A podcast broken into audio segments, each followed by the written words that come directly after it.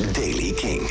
De dag begint met kans op een bui. Vanmiddag blijft het droog en is het ook zonnig. Temperatuur loopt op naar 19 tot 20 graden en er staat niet veel wind. Nieuws en nieuwe muziek van en over Gaslight Anthem en een nieuwe supergroep. Michiel Veenstra. Te beginnen maar met de Gaslight Anthem. Die band heeft een nieuw nummer uitgebracht, History Books.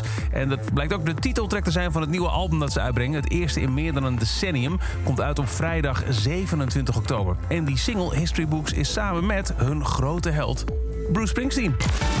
I'm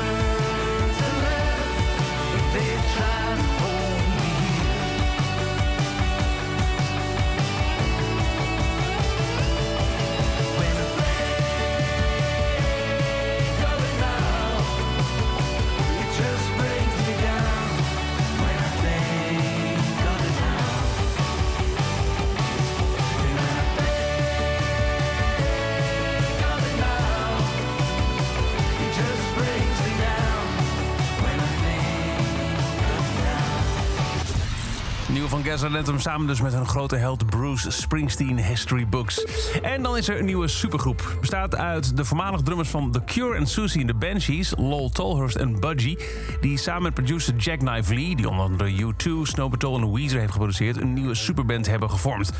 Eh, er is geen naam voor, behalve dan dat hun namen achter elkaar zijn. En er komt ook een album, komt uit in november. Met daarop gastoptredens van bijvoorbeeld Bobby Gillespie van Primal Scream... Mark Bone van Idols en The Edge van U2. En op de eerste single, die heet Los Angeles... hoor je James Murphy van LCD Sound System.